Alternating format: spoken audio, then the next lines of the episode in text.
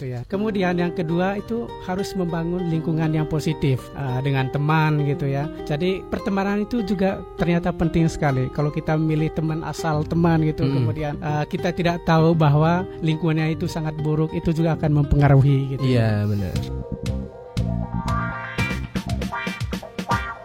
Disko, diskusi psikologi.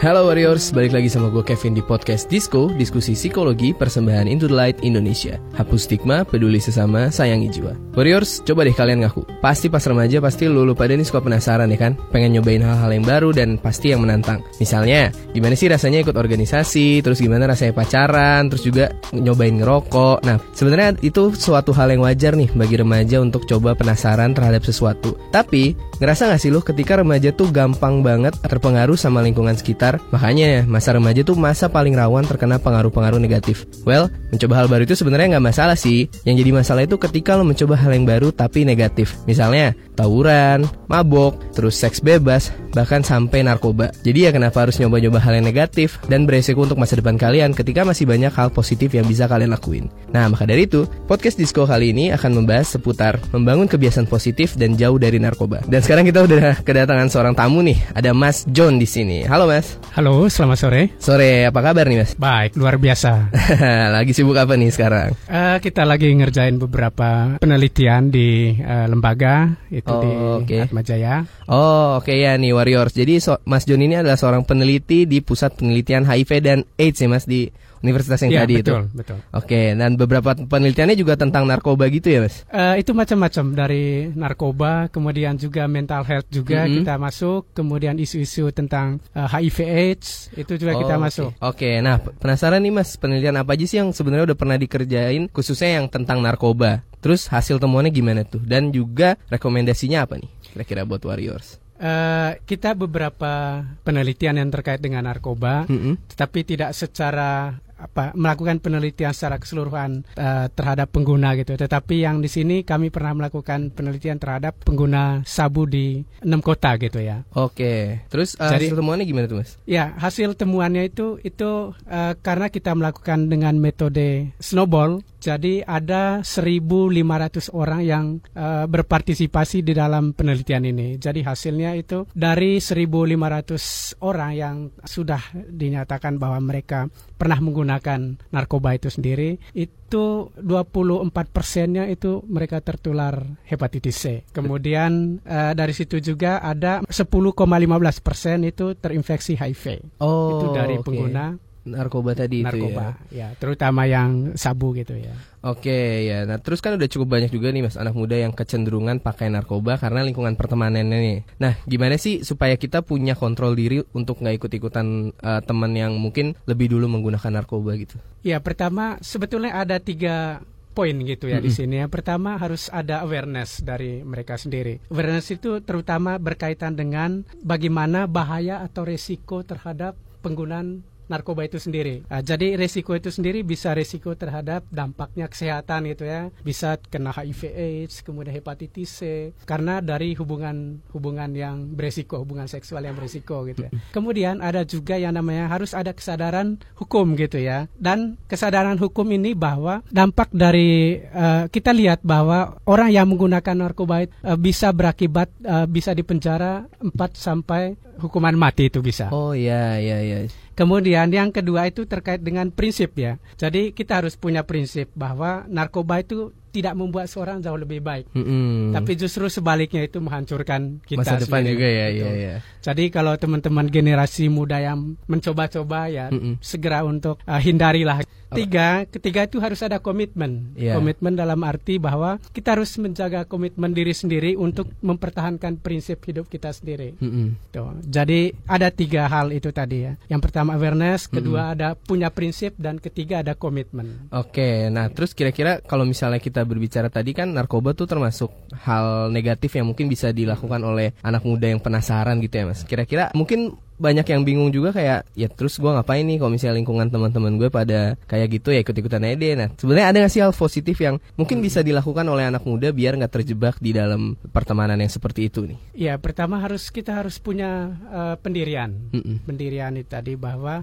kalau misalnya kita tahu bahwa narkoba itu berbahaya, kita harus bisa menolak segala bentuk godaan itu ya, uh, apa pun tawaran-tawaran yang datang gitu ya. Kemudian yang kedua itu harus membangun lingkungan yang positif uh, dengan teman gitu ya. Jadi pertemanan itu juga ternyata penting sekali. Kalau kita milih teman asal teman gitu, mm. kemudian uh, kita tidak tahu bahwa lingkungannya itu sangat buruk, itu juga akan mempengaruhi gitu. Iya ya. benar dan kita juga akan terpengaruh dengan itu. Ada sebuah pepatah bilang bahwa ketika kita bergaul dengan orang jahat selama 15 hari, maka kita akan menjadi jahat. Oh iya iya benar nah, benar. Tetapi benar. ketika kita bergaul dengan orang yang positif, orang yang punya hal-hal yang bisa membuat kita lebih baik, hmm. itu kita akan terpengaruh juga dengan lebih akan uh, sorry lebih baik dengan itu ya. Iya iya iya. Oke. Dan yang ketiga, oh. saya pikir harus mengikuti beberapa kegiatan-kegiatan positif. Mm -hmm. Misalnya olahraga, kemudian juga ya termasuk menyalurkan hobi gitu, mm -hmm. hobi kita. Dan juga kalau teman-teman yang masih kuliah atau di sekolah SMA gitu, itu harus mengikuti kegiatan-kegiatan ekstrakurikuler gitu ya. Ya, biar setidaknya di luar di luar mungkin kejenuhan dia akan sekolah atau apa ada kegiatan lain gitu ya bisa Betul,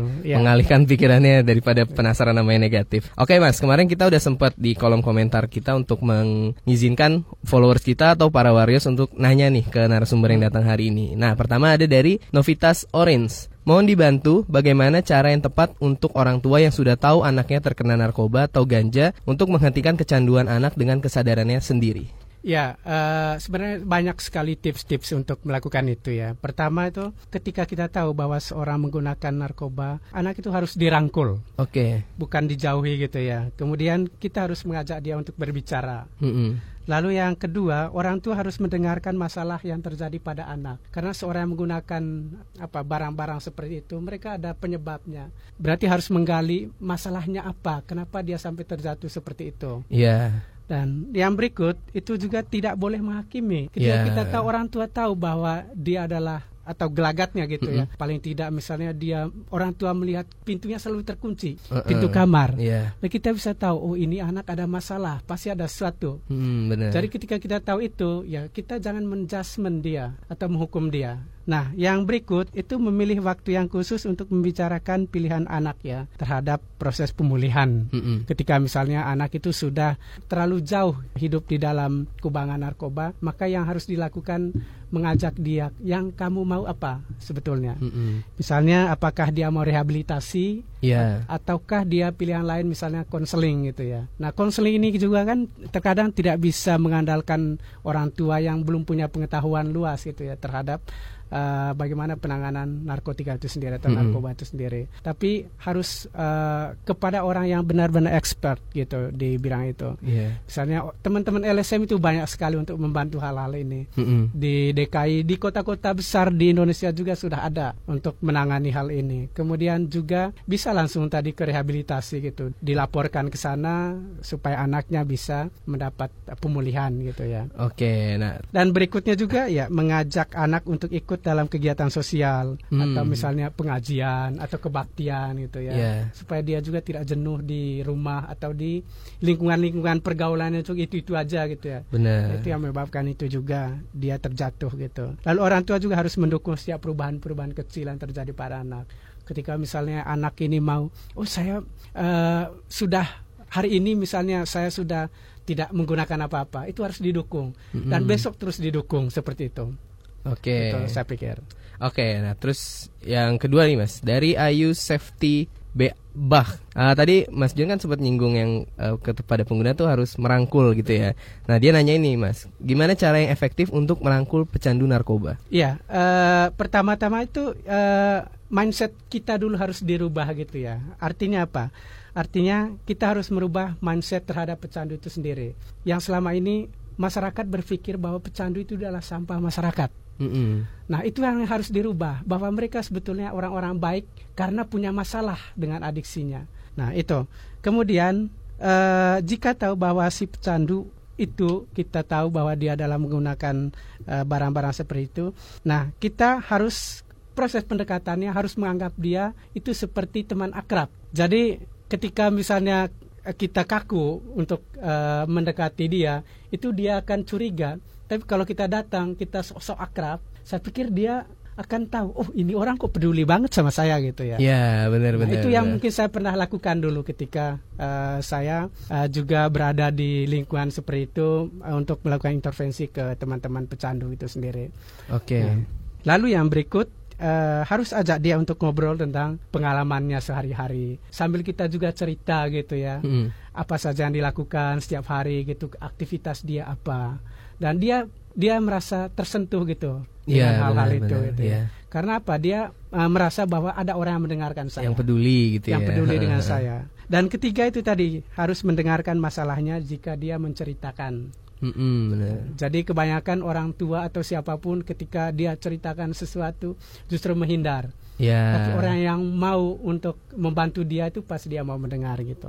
Lalu yang berikut uh, kita harus memberi respon positif apa terhadap masalah-masalah yang dia ceritakan. Dan uh, yang berikutnya jangan pernah menghakimi sekali lagi. Mm -mm. Dan terakhir adalah ajak dia untuk ikut dalam kegiatan-kegiatan yang positif. Ya, seperti yang disebutin ya, Betul. ikut apa gitu. Oke, terakhir nih Mas, dari Murti Bramantio. Kadang-kadang kita melihat pemakaian narkoba diawali karena pergaulan. Kalau kita melihat teman yang mempunyai pergaulan yang kurang baik, mungkin karena bawaan dari masa kuliahnya. Nah, hal positif seperti apa yang kita bisa lakukan agar bisa memengaruhi mereka untuk mengubah pilihan pergaulannya? Ya, uh, ini kasusnya banyak sekali gitu yang Mm-mm. kita jumpai di masyarakat gitu ya. Ketika kita melihat uh, si pengguna itu uh, apa terbawa dari masa lalu dia di kampus dia, kemudian orang yang melihatnya itu justru uh, tidak tahu apa yang harus dilakukan gitu. ya. Mm-mm. Kembali lagi saya pikir itu mengajak dia untuk berdiskusi gitu ya. Kalau misalnya kita belum kenal, ya kita bisa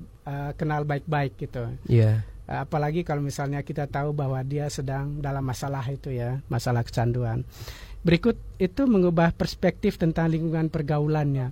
Jadi kita bisa memberikan satu hal positif bahwa uh, lingkungan yang orang-orang di sekitar dia itu itu tidak memberikan dia hal yang positif. Itu justru memberi energi yang negatif uh, sama dia. Mm-mm. Ja- Saya pikir itu yang harus kita rubah bahwa kita harus merubah pola pertemanan dia gitu ya eh, siapa-siapa yang ada di lingkungan dia. Lalu ketiga itu harus jujur terhadap diri sendiri. Kalau misalnya eh, dia merasa bahwa karena gini kadang-kadang si pecandu ini selalu denial gitu. ya. Mm-mm. Denial kita tahu bahwa dia pengguna tapi dia kadang denial gitu. Gak ngaku gitu ya. Ya nggak ngaku gitu. Iya. Tapi kita tahu gitu. Nah, Hmm. bagaimana cara melakukan itu?